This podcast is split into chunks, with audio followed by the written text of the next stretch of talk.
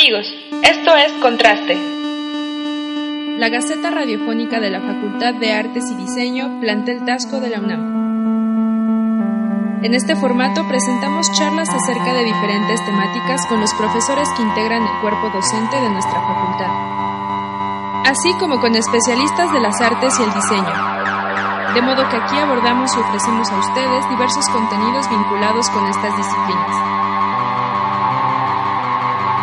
Contraste es una emisión difundida a través del sitio http diagonal diagonal logs.fad.unam.mx diagonal tasco diagonal contraste. Y en Facebook nos pueden encontrar como Contraste FAD Tasco. Esto es Contraste. Adelante.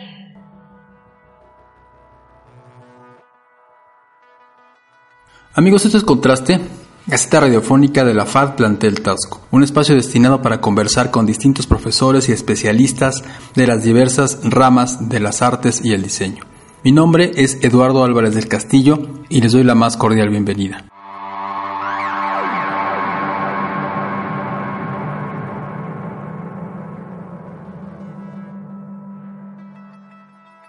Amigos, esto es Contraste 1968 es un año que ha dejado marcado a nuestro país.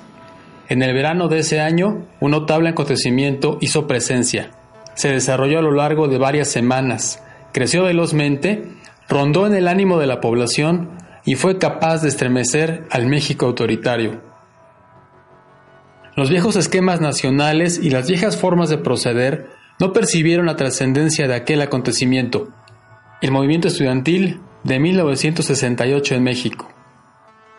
El régimen emanado de la Sacrosanta Revolución de 1910 se cimbró hasta lo más profundo, palideció ante la idea de no controlar más a las conciencias de los estudiantes, careció de argumentos para sostener un diálogo nutrido de ideas y en una colérica respuesta, el dinosaurio soltó un coletazo iracundo sobre los preparatorianos y universitarios que lo confrontaban, los agredió con violencia, los acusó de alterar el orden y pretender derrocarlo. Es cierto que el miedo es capaz de nublar las ideas, pero la paranoia hace perder la dimensión de los hechos. El estudiantado quería democratizar a la nación, buscaba ampliar las libertades y exponer sus pensamientos, pero el régimen no sabía dialogar, solo supo agredir. A principios del otoño, el movimiento estudiantil fue acallado, desplegaban ideas y recibieron balas. El diálogo del plomo imperó y esa tarde sometió a los jóvenes. Sin embargo, el germen del cambio quedó sembrado. La cicatriz está ahí, tal vez ha sanado, pero su huella nunca desaparecerá. Ingenuamente e inclusive cínicamente, Gustavo Díaz Ordaz dijo que nada había cambiado que no había un México antes y otro después de los acontecimientos del día 2 de octubre de 1968 en Tlatelolco, en la Plaza de las Tres Culturas. Qué equivocado estaba. Como parte de las actividades relacionadas con el quincuagésimo aniversario del movimiento de 1968, el plantel Tasco de la FAD recibió el pasado 13 de septiembre a Arturo Martínez Nateras, a José David Vega Becerra y a Benito Collantes Martínez, brigadistas que vivieron aquellos momentos y lo relataron a nuestra comunidad, precisamente en el día de la conmemoración de la Marcha del Silencio. Adelante.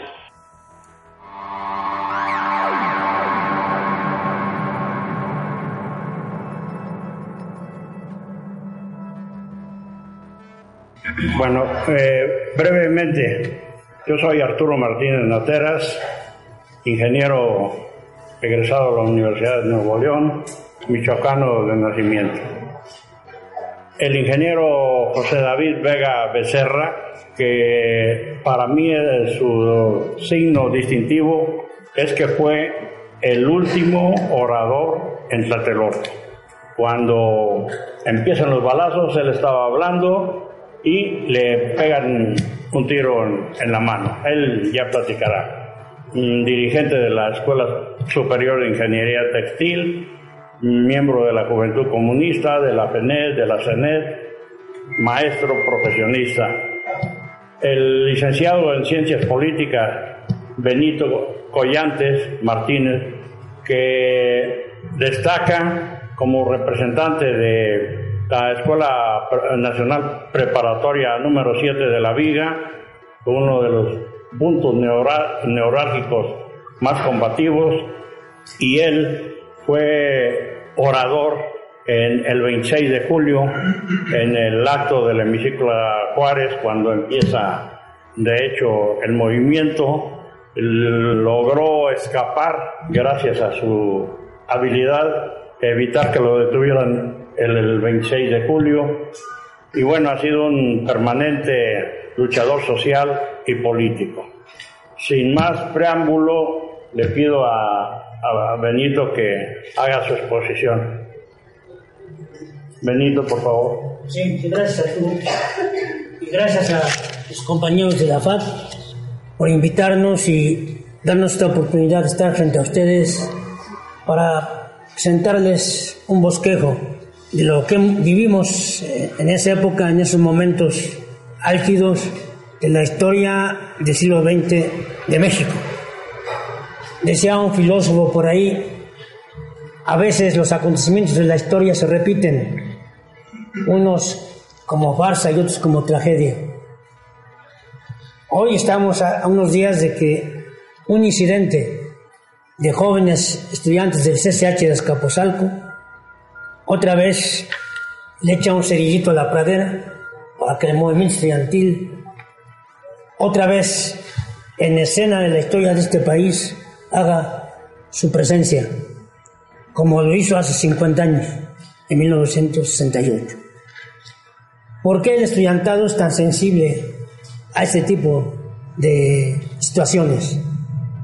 Algunos clásicos de la economía, la sociología y la ciencia política, sobre todo en la época que vivimos siglo XX, siglo XXI, señalan que los grandes movimientos de la historia los tiene que llevar a cabo un determinado destacamento histórico, una determinada fuerza social que es la que mueve a las clases sociales y todos los que intervienen. Este papel fue asignado desde el siglo XIX a la clase obrera, a los trabajadores, a los parias, a los que tienen que trabajar y ser explotados para ser más ricos, a los capitalistas.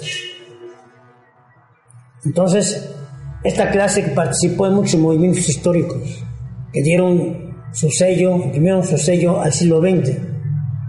La revolución bolchevique, la revolución china, la revolución cubana, la revolución nicaragüense, los movimientos de liberación en África, el sacudimiento de los pueblos esclavos del colonialismo. El colonialismo, por cierto, fue aquella forma de someter que hizo más ricos a los países más ricos que son hoy.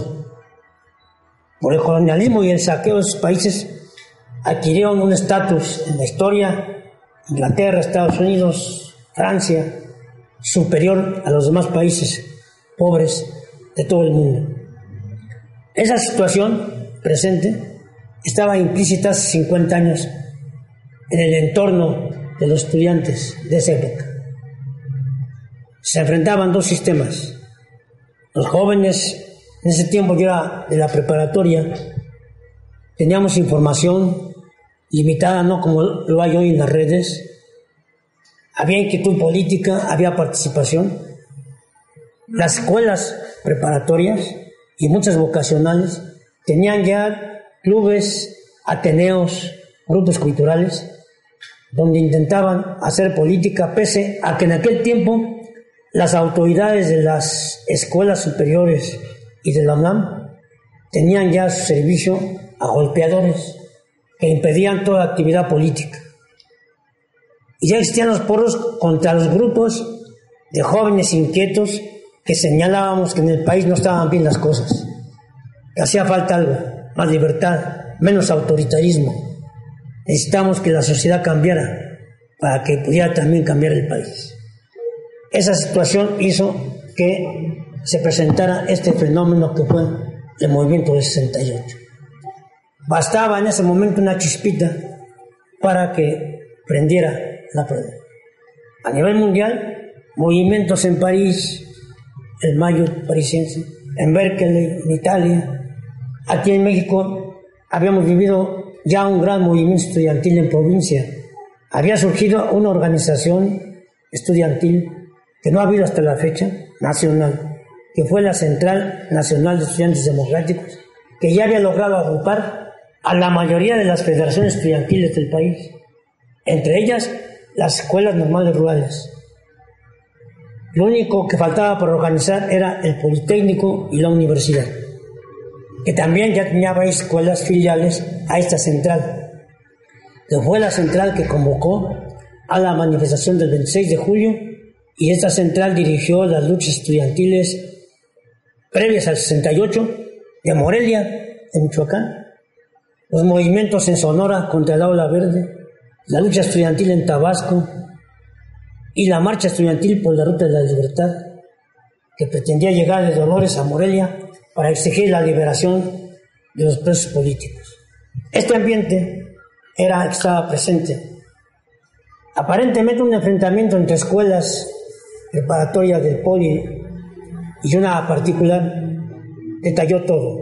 Eso se mezcló con la manifestación del 26 de julio que organizó la CENED para conmemorar un acontecimiento a que ya nos referimos. El inicio de la Revolución Cubana el 26 de julio de 1953, que fue el inicio de la Revolución Cubana que después se concretó en 1959. Esa manifestación coincidió con la del Politécnico el 26 de julio y de ahí se desprendió una serie de acontecimientos a los que ya algunos han estado haciendo referencia, la prensa, los periódicos, ustedes han leído. Hoy se celebran los 50 años, está de manera recurrente en los medios, pasando imágenes, historias, relatos de todo esto que. Pero ese, ese, esa inquietud, ese estallido, tiene así ese, ese antecedente. Pero el estudiantado de esa época, además de que demostró valentía, intuición política, su detesto al autoritarismo, que lo vivían en sus propios hogares, los jóvenes de aquella época tenían que pedir permiso para todos sus padres, para ver al novio ni pensarlo, las muchachas. Ese autoritarismo lo representaba en aquel tiempo el gobierno. Ya Ordaz era la imagen fiel de ese autoritarismo y de esa actitud mandona. Y por eso su postura a la hora de que estalla el movimiento y no escuchar, hacer como que lo dijo, son algaradas sin importancia. Cuando estaba el movimiento yo y toma la decisión de usar la violencia. Y cuando no pudo con un instrumento que eran los granaderos metió al ejército. Resultado bueno lo del caso en la prepa 3 la represión a la manifestación la persecución a todos los líderes el encarcelamiento toda una serie de acontecimientos. Por esa cerrazón por esa, ese método autoritario que no le permitía ver más allá. Y la juventud en aquel entonces que exigía libertad, que veía autoritarismo, nos rebelamos, nos rebelamos contra el sistema. Y día con día crecía la inconformidad, nuestra fuerza y nuestro contacto con la gente, con el pueblo. Día con día crecía también nuestra capacidad de organización. Surgieron las brigadas de comunicación con el pueblo, porque la prensa, a la cual le decíamos en aquella época, que era prensa vendida, no decían lo que estaba pasando, ni en la televisión, ni en los periódicos. Al contrario, nos atacaban. Veíamos los rótulos, los periódicos. Actuaron las juventudes canallas. Otra vez los vándalos. Así nos tachaban. Entonces, por eso el movimiento estudiantil elaboró su propia forma de comunicarse. Y hacíamos volantes con biógrafos, carteles, íbamos con brigadas a los carros, a los mercados, en los cruceros, en las calles de la Ciudad de México. todas las escuelas huelga, todas las escuelas de educación media superior. Surgió la gran hermandad entre el Politécnico y la UNAM. Cuando antes el gobierno hacía que se pelearan los partidos de fútbol, Poli UNAM, Borros contra Pumas. El 68 unió esas dos fuerzas y le, creó un gran potencial al movimiento. Hasta la fecha, en las manifestaciones que, que está viendo ahorita, la de hoy, la de ratito, van a marchar juntos otra vez.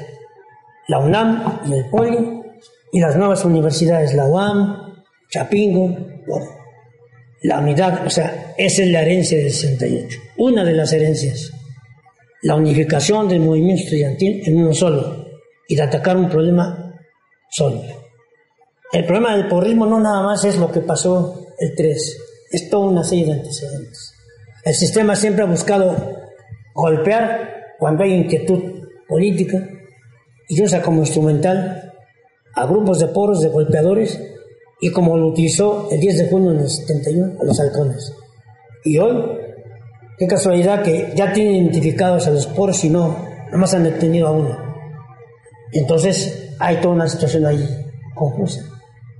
Tiene que ver con política, tiene que ver con lo que está pasando hoy en México, como lo tuvo que ver hace 50 años. Entonces, el precio de la libertad es muy caro, el precio de la democracia es muy caro. Hay que luchar todos los días por él, todas las épocas de la historia. Aquella generación jugó un papel en la historia, que somos los que estamos aquí. Las generaciones que vienen, que son ustedes, tienen que jugar su papel en la historia. Asúmanlo, como lo asumimos en aquella época.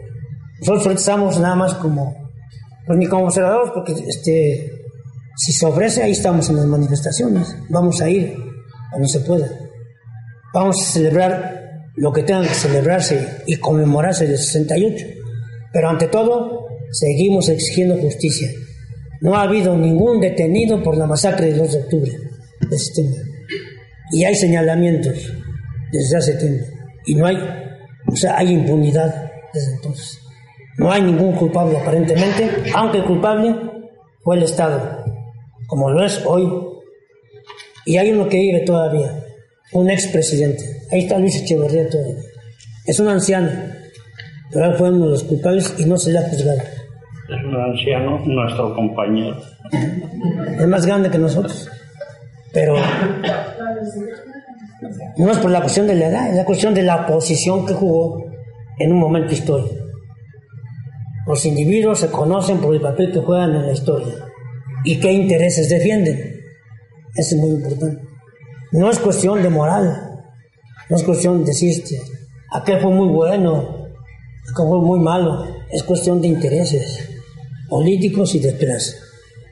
El papel que jugamos en la historia y que estamos llamados a cumplir. No sé, este, yo quise darle este giro a mi charla, si después tienen algunas preguntas, pues este, quiero darle la palabra a mis compañeros para también en su punto de vista. Gracias,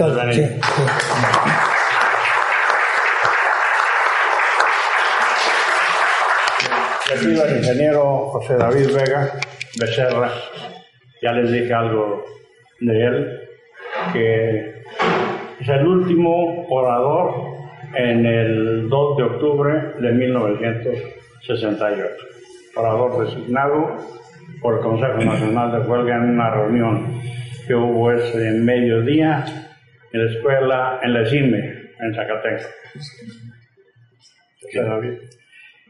Bien, eh, estamos viendo algunos de los elementos que son muy importantes considerar, que son los contextos en los que se movilizó, se recreó, se desarrolló un movimiento. Que ese movimiento, al final de cuentas, no es producto de solamente una institución, de dos o tres dirigentes o cinco o diez dirigentes iluminados. Es producto de una gesta de una generación. Y eso es muy importante tenerla eh, ubicada en términos de una gesta de generación que sobrevive, algunos, sobrevivimos algunos, porque ya muchos se fueron, compañeros muy brillantes, compañeros muy destacados, eh, compañeros que dejaron también una huella muy importante en este movimiento. Este movimiento, eh, en lo particular, yo quiero expresar una de las razones por las cuales estoy aquí. Una de ellas es porque soy estudiante, eh, bueno, fui estudiante egresado del Instituto Politécnico Nacional. Yo estudié prevocacional, la prevocacional 1, la vocacional 2 en la Ciudadela y una escuela de ingeniería textil. Si yo soy profesionista egresado de Politécnico en esa carrera. Me tocó ser parte de una nueva expresión que se venía manifestando a nivel nacional y que esa manifestación era una necesidad de fortalecer, de generar procedimientos democráticos, no solamente en el proceso interior de la elección de las sociedades de alumnos, sino también una concepción que nos permitiera precisamente como movimiento organizado en un enfoque y en un encuadre democrático, participar en una serie de problemas eh, a nivel nacional. Esta generación, efectivamente, estábamos bajo la influencia de acontecimientos de orden mundial, la Guerra Fría. Y esto generaba una serie de situaciones de carácter político que aquel sector que manifestara una inconformidad o un planteamiento simple y sencillamente era caracterizado dentro del marco de esta eh, guerra eh, bipolar eh, conceptualmente, pues simplemente eran o éramos comunistas. Esto al final de cuentas generó una política de Estado que fue fundamentalmente, sistemáticamente en el orden represivo. Los trabajadores ferrocarrileros participaban con su eh, organización, con sus dirigentes en planteamientos gremiales, eran, ¿verdad? Simple y sencillamente reprimidos y encarcelados sus dirigentes. Los médicos pedían mejores condiciones de vida, sus dirigentes eran encarcelados y eran reprimidos militarmente. Los estudiantes que teníamos alguna serie de planteamientos, entre ellos los que estaban en la estructura de la Central Nacional de Estudiantes Democráticos, se pedía democratización de nuestros eh, planteles educativos. Pero además teníamos un planteamiento, y eso también es importante rescatarlo. Había un planteamiento desde las filas del movimiento estudiantil que se pedía o se exigía una reforma democrática a la educación superior. Este es un planteamiento de orden estratégico, que poco se ha hablado de esto, porque al final de cuentas no le ha convenido al gobierno decir que esta generación de 68 tenía toda una serie de concepciones, de reivindicaciones a nivel nacional. Y efectivamente dentro de las estructuras, en este caso el Politécnico, nosotros teníamos una Federación Nacional de Estudiantes Técnicos que seguía ciertos lineamientos 100% oficialistas en donde no cabía la crítica, no había la participación en actos de solidaridad, o cuando había era porque desde adentro había una influencia y un empuje desde las bases mismas.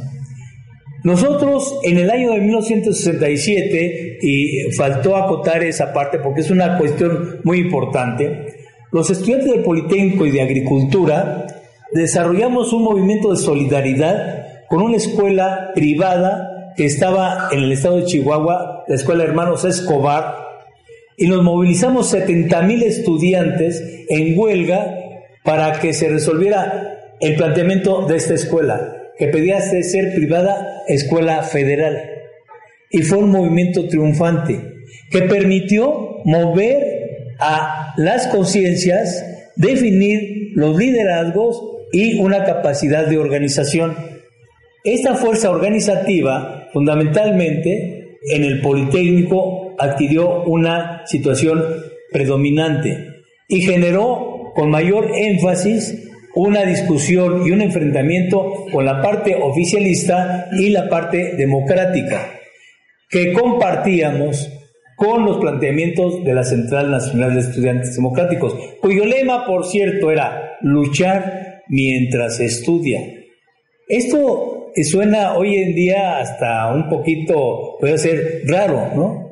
Sin embargo, muchos de aquel entonces, ese lema lo cristalizábamos en una lucha de mejoría académica, de planteamientos y de estudios de la problemática nacional que nos llevara precisamente a desembocar mejores condiciones de vida hacia adelante.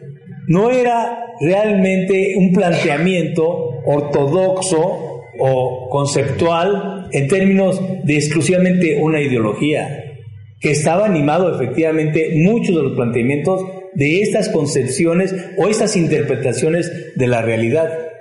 Esto obviamente nos llevó a un sinnúmero de confrontaciones y esto se concreta efectivamente el día 26 de julio, en donde al final de cuentas dos expresiones del movimiento estudiantil toman forma y se expresan y se encuentran con la represión y esta concepción represiva del gobierno. Nosotros, a diferencia de los universitarios, porque ahí efectivamente hay una coincidencia, hay una hermandad, hay una integración de instituciones, es que los universitarios, el 26 de julio, los que fueron eran afines a una concepción y solidaridad con el movimiento de la Revolución Cubana.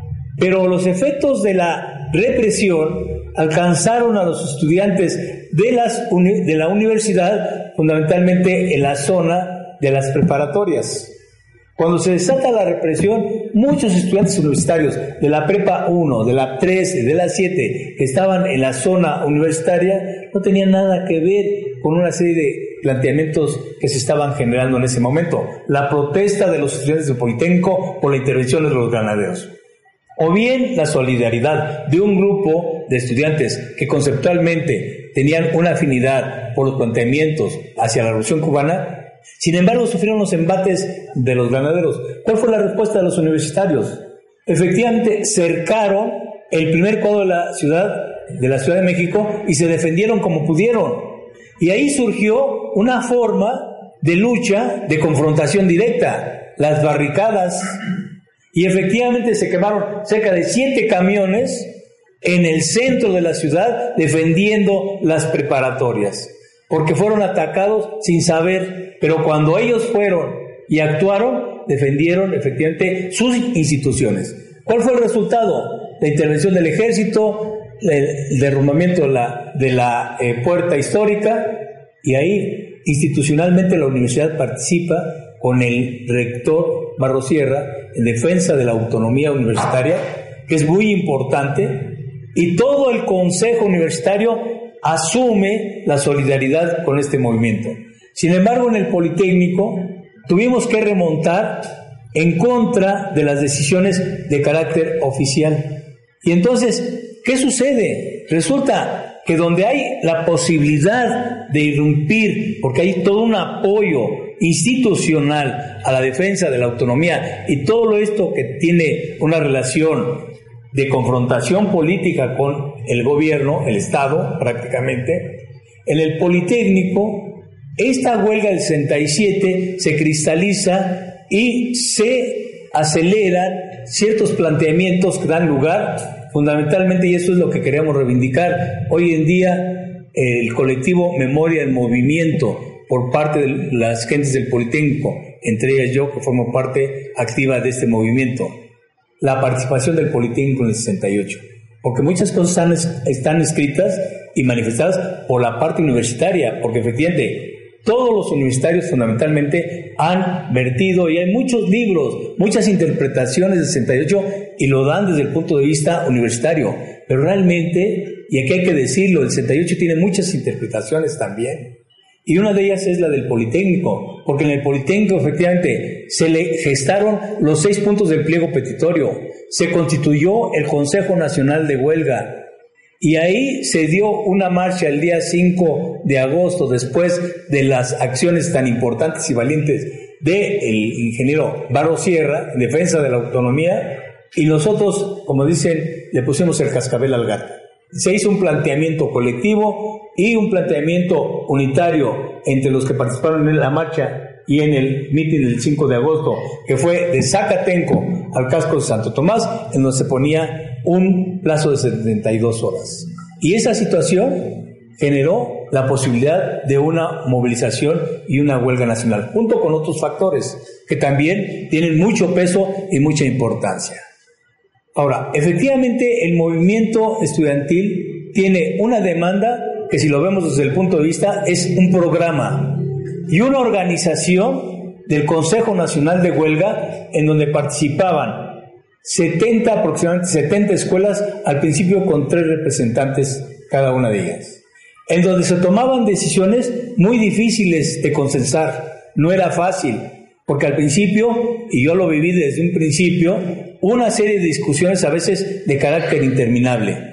Pero al final de cuentas, cuando se tomaba una decisión, bajaba a toda la estructura del movimiento estudiantil y podíamos remontar la propaganda del gobierno, las amenazas, y se dieron las condiciones de las grandes movilizaciones de masas en el 68.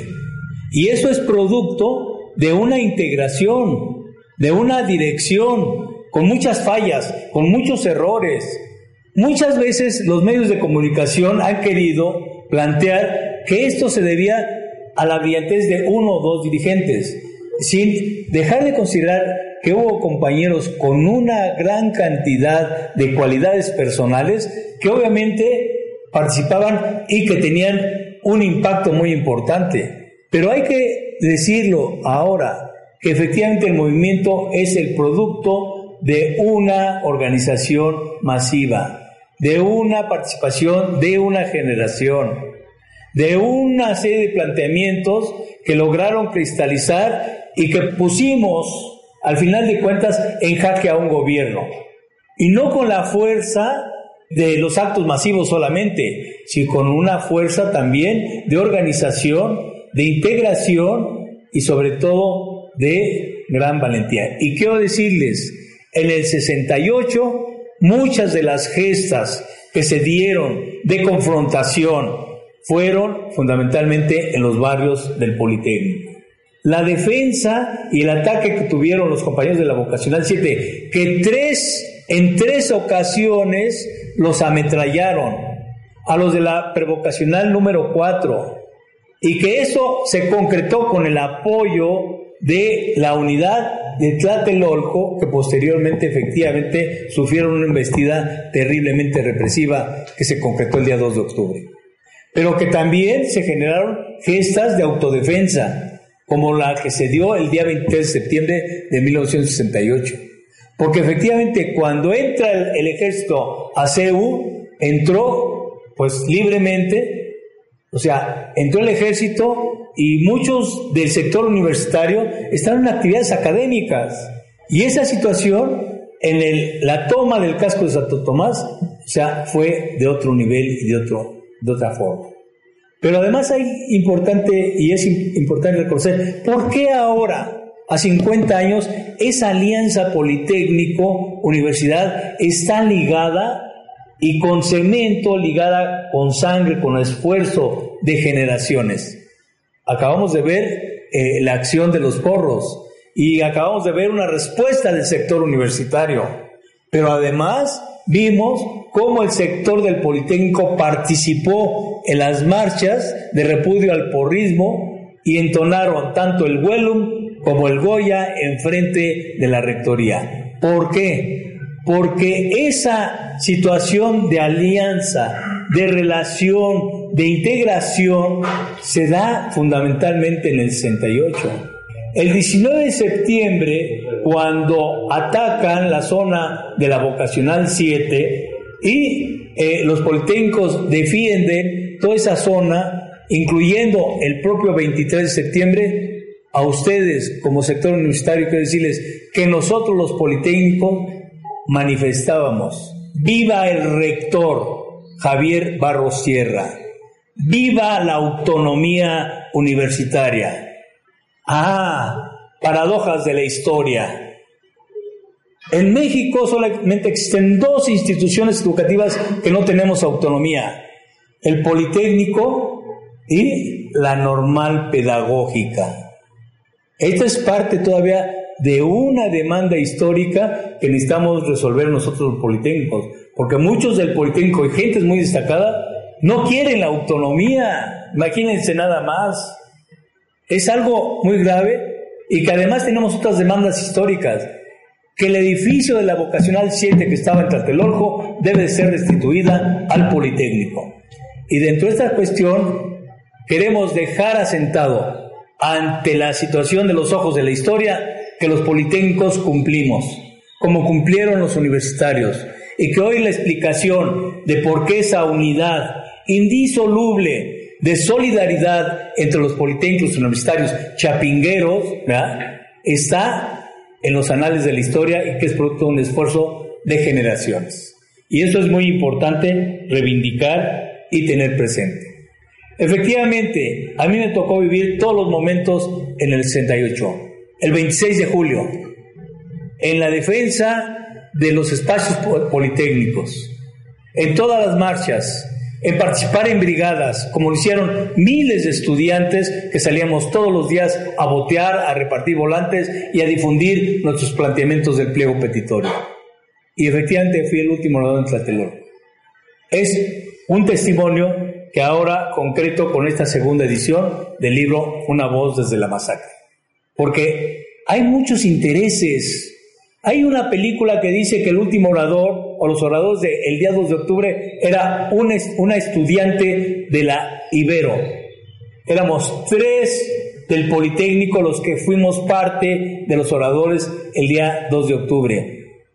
Recientemente el proceso, y si ustedes ven, cuando hablan de la vida difícil de Florencio López Osuna, que es un compañero brillantísimo de la Escuela Superior de Economía, que recibió una de las peores golpizas que recibimos todos los que estuvimos el día 2 de octubre, porque soy testigo, y que no pidió clemencia, que no pidió perdón, ¿sí? Porque le encontraron la funda de una pistola. Y fue un orador, un orador el, el, día 2 de octubre.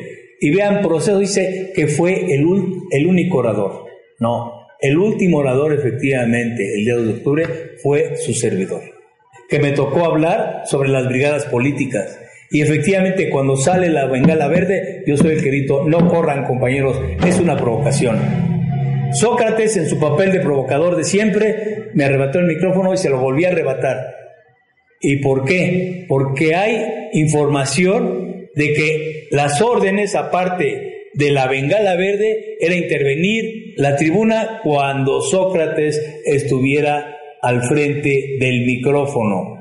Hay muchas cosas que todavía no se dicen, ¿sí? Y que tienen importancia hoy en día. Una de ellas que yo he denunciado, que los primeros disparos son directamente salidos de un departamento del edificio Chihuahua. ¿Quién estaban en el departamento del edificio Chihuahua? Cuerpos del Estado Mayor Presidencial, ¿sí? Ellos son los que orquestaron conjuntamente con Luis Echeverría y obviamente con las órdenes de Díaz Ordaz la aplicación de una masacre. Y además el disparo seleccionado hacia los integrantes del mitin y a las Fuerzas Armadas.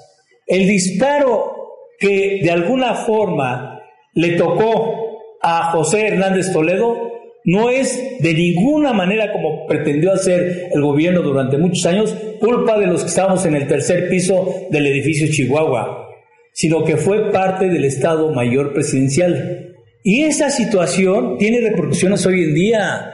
¿Por qué López Obrador dice el Estado Mayor Presidencial que se vaya al, al ejército?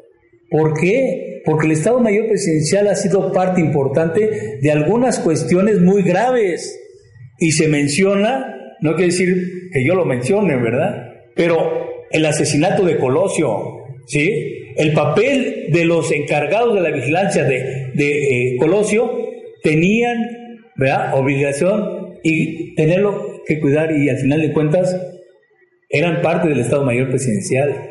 Lo de Jaramillo, la muerte de Jaramillo tiene que ver con elementos del cuerpo del Estado Mayor Presidencial. Lo de Tlatelolco tiene que ver con la situación del el Estado Mayor Presidencial. Y López Obrador dice que se regresen, no quiero la vigilancia, porque peor, que vigilancia puede ser hasta la propia trampa.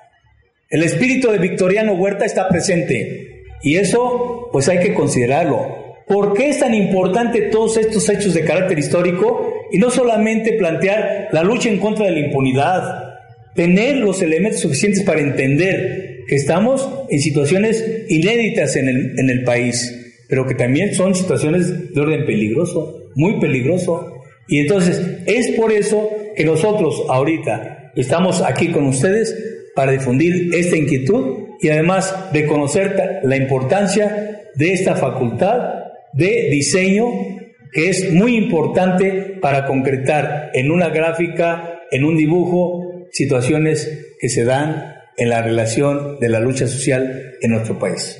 Creo que me he excedido un poquito, disculpen, pero vean que tiene una gran importancia, una situación que requiere eh, mucha atención y nosotros como politécnicos, ahorita hablo a nombre del colectivo Memoria y Movimiento de los estudiantes politécnicos sobrevivientes de 68, que tenemos una participación en esta coyuntura que se ha dado entre el proyecto de todas las universidades, Chapingo, Universidad eh, Autónoma de México, Politécnico, eh, el Colegio de México y la Ibero, que por cierto tiene concepciones y planteamientos muy avanzados.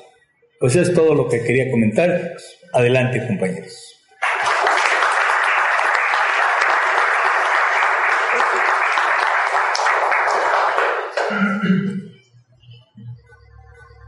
Hay movimiento estudiantil para rato y hubo movimiento estudiantil desde José Martí en México. El gran problema que existe en el movimiento estudiantil mexicano es la falta de una organización que le dé continuidad. El lapso en la vida de las personas para ser estudiante es bastante corto. Estudios superiores, cuatro o cinco años, eh, educación media, tres o cinco, incluida la secundaria. Entonces hace falta algo que dé continuidad y que transmita la experiencia. Hoy hay eh, infinidad de, de factores que permiten concentrar y recuperar la, la memoria de manera, de manera muy rápida, sobre todo eh, las redes. ¿Quién iba a imaginar en 1968 que estando en, en un evento en Tasco, a ciento y tantos kilómetros de la Ciudad de México, nos íbamos a poder enterar simultáneamente de que empezaba la, la marcha. Quisiera hablar a partir de la experiencia de un preso del 68.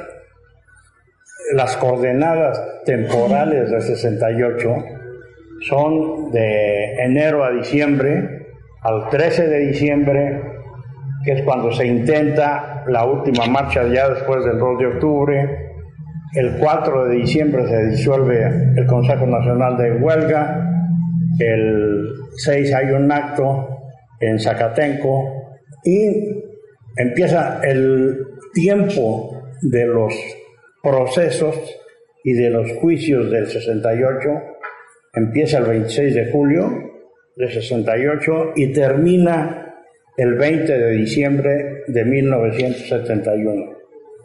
La gran mayoría de los presos estuvieron más de tres años y los primeros presos fueron jóvenes comunistas y los últimos presos fuimos los comunistas y los maoístas.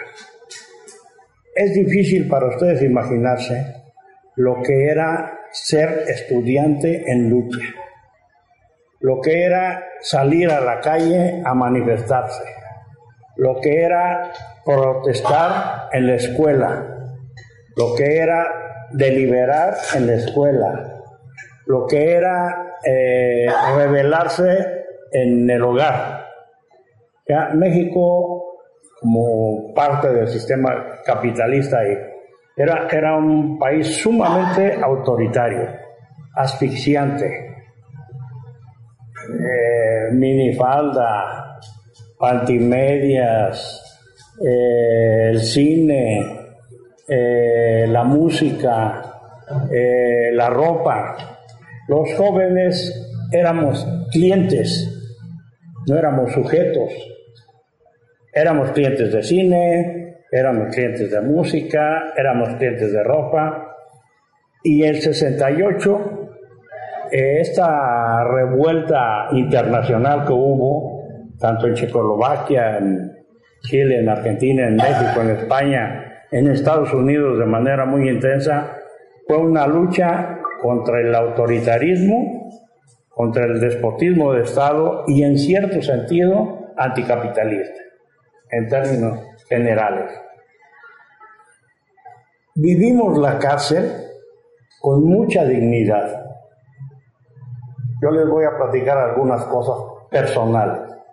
Aquí está María de la Luz, que es mi esposa, o yo soy su esposo, según cambian los tiempos.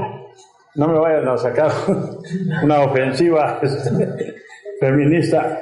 Ella aparece por ahí en una foto errónea, como también en la carpeta. María de la Luz iba a dar a luz y ya no estuvo el 2 de octubre. Entonces, casi en todas las fotos mencionan, la mencionan como el mitin del 2 de octubre. La hija nuestra nació a la semana de que a mí me detuvieron. Yo la conocí hasta tres meses y medio después.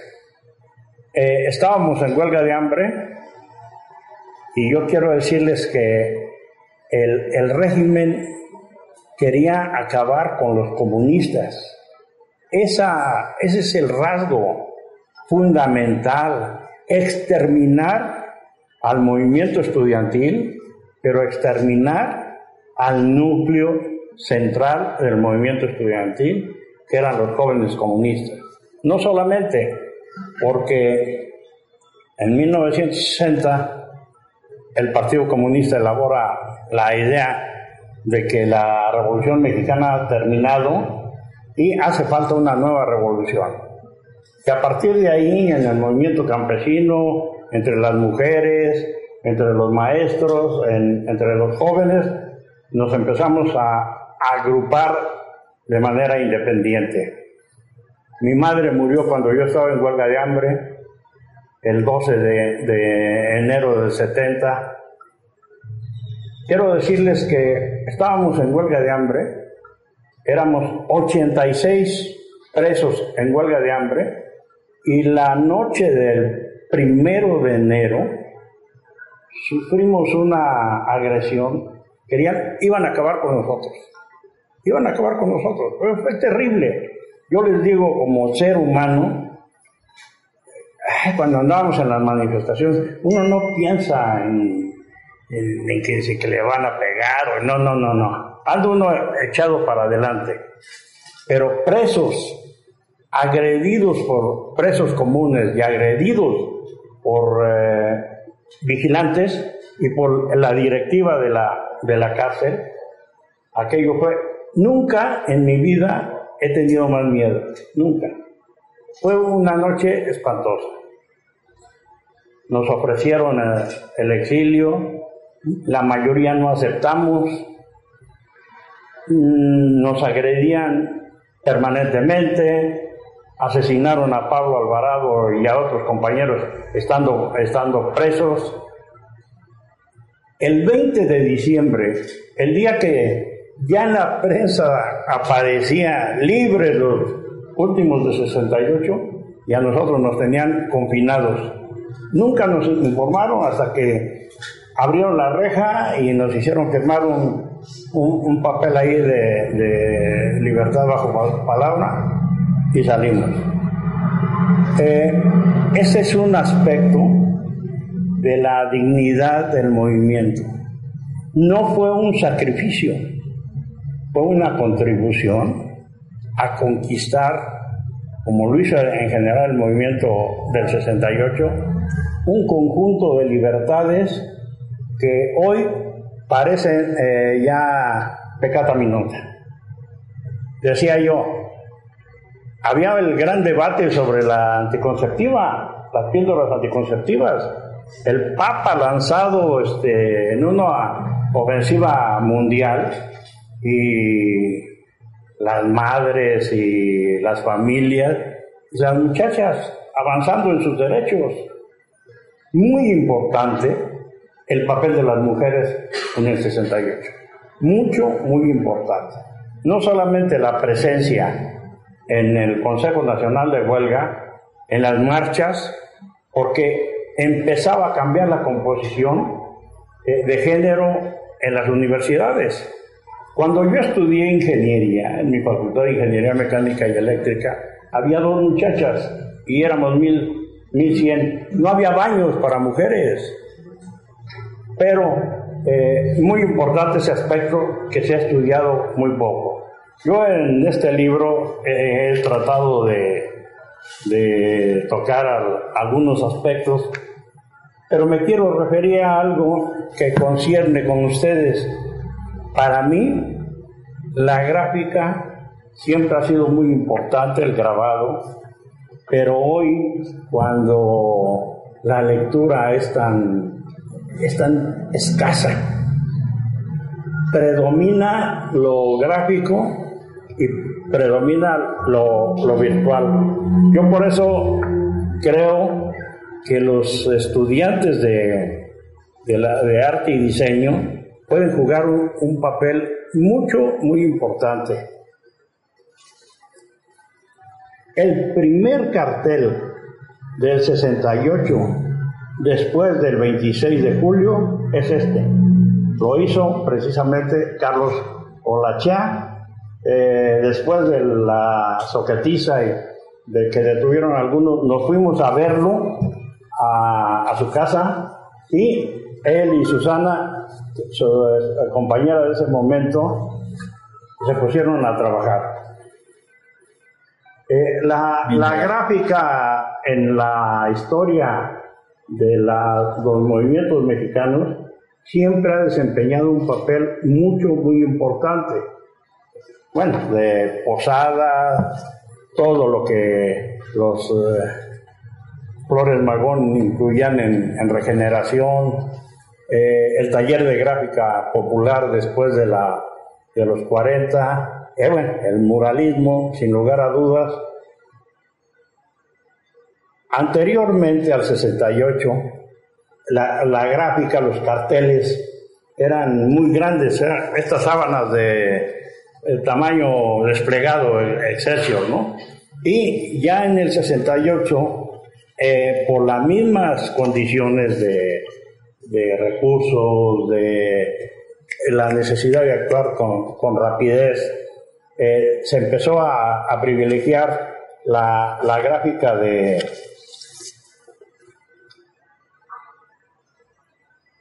esto es vigente. O sea, es que la misma chingadera, como dicen, ¿no? O sea, el régimen no ha cambiado nada, en muchos sentidos. Ahora ya no matan, ahora abaten.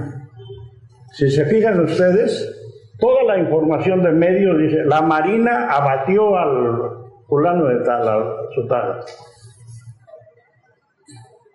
Es eh, importantísimo lo, lo que ustedes hacen, lo que estudian, para lo que, para lo que se eh, están formando.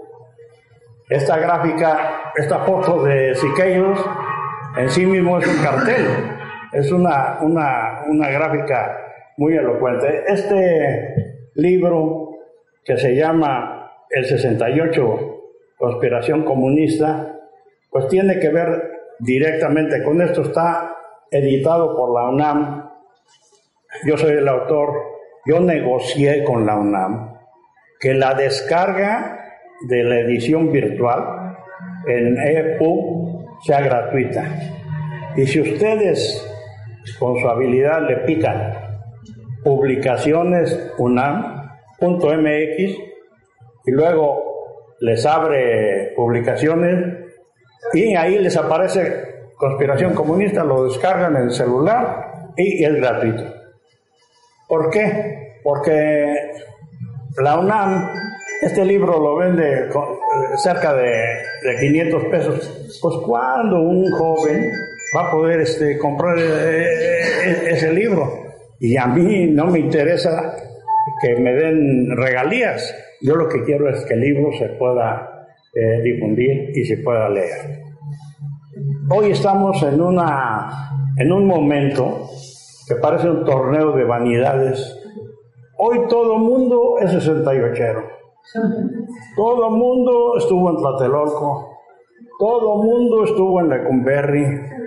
Puta, éramos, fueron cuatro mil los presos del, del 2 de octubre, de acuerdo con el parte militar, pero los que fuimos procesados y sentenciados fuimos 68, paradójicamente. 56 participamos en la huelga de hambre. Pero, ¿qué es lo que hay que eh, recordar del 68? ¿Qué es lo que hay que rescatar del 68? A, a mí me emociona que sin tanto discurso y sin tanto cuento, los muchachos que hoy se están manifestando hayan resuelto marchar justo el, 50 aniversario de la marcha del silencio eh, y que estén dando pruebas de rebeldía. Me, no éramos chamacos pasivos, bonitos, que marchaban con la vez de la victoria. No, algo les ha dicho Vega, pero estábamos formados en el, en el enfrentamiento. No andábamos pidiendo caramelos, andábamos peleando libertad y democracia. Nosotros aprendimos a hacer lo que llamamos las guerrillas políticas, que era en lo que es el eje 1 ahora, el Lázaro Cárdenas, San Juan de todo eso. Nos metíamos grupitos de seis o siete. La Ciudad de México, como todas las ciudades, son muy frágiles unas brigadas de 10 muchachos, 10 con 10 brigadas para la Ciudad de México. Y eso hacíamos. En la marcha del 26 de julio, y yo por eso le llamé a mi libro Conspiración Comunista, porque sí conspiramos, pues sí conspiramos. Bueno, a ver, aquí está Vega y yo. Vienen eh, los eh, golpes en la Ciudadela, en la FENED convoca su marcha, la CENED ya tenía convocada la propia, pero nos reunimos en el localito de la CENED eh, un día, el 25, a intentar que se juntaran las dos marchas. aquí en mi libro aparece el reporte policíaco del 26 de julio. ¿Y qué es lo que dice? Pues que nos enfrentamos, que caminamos a contraflujo de, en 5 de mayo y en 16 de septiembre y que desquiciamos la ciudad. La desquiciamos. Entonces. ¿Cuál fue el acuerdo? ¿Cómo? ¿Cómo fue el acuerdo y cómo se concretó? Sí, que ellos se metieron, o sea, no aceptaron este, mm, unir la marcha y ellos se fueron en el contingente politécnico y empezando en el Monumento a Revolución a gritar Primero gritaban centro, luego grita, empezaron a gritar zócalo, zócalo, y al llegar allá al casco, pues se vino la, la, la gran mayoría de los, de los estudiantes del Politécnico. Hubo un momento en que decidimos disolvernos, pero no porque nos hayan pegado, sino porque ahí relatan lo que dicen que yo dije. El lunes vamos a empezar una huelga de 100.000 este, estudiantes. Y fueron más los que empezaron la huelga. ¿Qué pasó? Golpean en el, en el hemiciclo y se van contra los muchachos de la, de la Escuela Nacional Preparatoria, en lo que se conoce como el barrio universitario, y ellos sin saber ni, ni, ni por qué, pues se empiezan a defender. Fueron 10 días de resistencia, pero donde los jóvenes en el centro, en la prepa, en, en la boca 5, en la 7, madreaban a los granaderos. Esa era la verdad. No, nunca, nunca los granaderos pudieron. Por eso y Echeverría lo dijo claramente, decidimos meter al ejército y meten al ejército el 30 y a partir de ahí cambia la situación. Pasamos de la resistencia a la unidad con, con las autoridades de la universidad. El movimiento fue muy diverso, fue muy plural. Por, eso hay tanta versión. Y qué bueno que las haya. Yo, yo soy un devorador de líneas Ágata y más o menos me he acostumbrado a, a ver que sí, que no, pero es una diversidad. Miren, antes era 2 de octubre, no se olvida. Esa era la letanía. Cada 2 de octubre. Hoy, todo el año, hay una competencia en, la televisión eh, abierta, en los diarios nacionales, a ver quién publica más de 68. El Heraldo publica un suplemento, el Universal, la Gaceta Universitaria todo, todos los días, Proceso todos los días, en Guerrero, el Sur todos los días. Hay, hay una competencia, pero ya no es solo el 2 de octubre. Y eso es muy importante, con eso, con eso termino yo. El 68 es todo un año de lucha libertaria en México, en Checoslovaquia, en Estados Unidos, en Italia, en España. Son, por lo menos hay registros de 70 países que, que, que coincidieron. ¿Qué pasó? Que el mundo estaba harto de tanto autoritarismo y que fue una explosión por la libertad y que eh, la semilla anda todavía flotando, pero estos chamacos son de esas semillas cósmicas que que están eh, por la libertad. Ese es el asunto. El movimiento del 68 fue principalmente un movimiento por la libertad, por la democracia y por la reforma de la educación superior y de la universidad. Muchas gracias.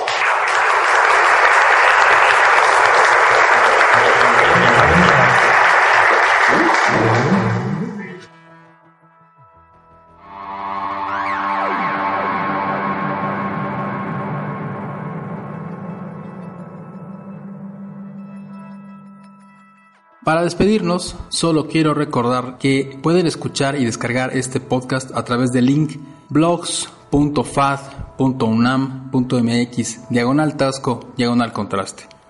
Mi nombre es Eduardo Álvarez del Castillo. Hasta la próxima.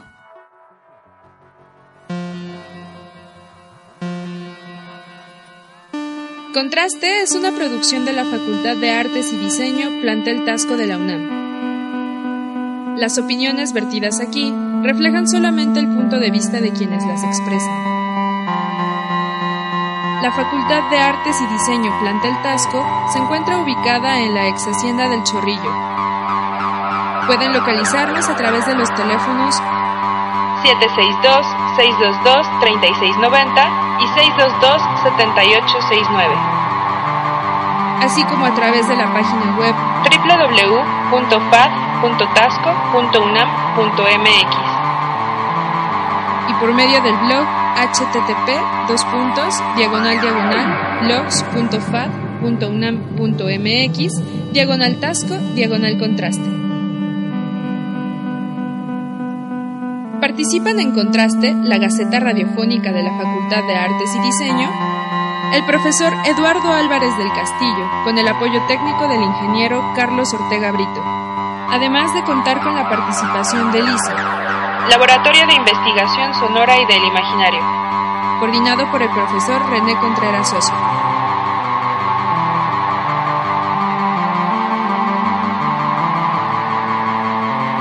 Mi nombre es Ana Laura Hernández Vázquez.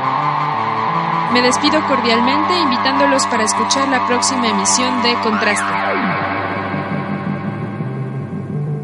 Por mi raza hablará el espíritu.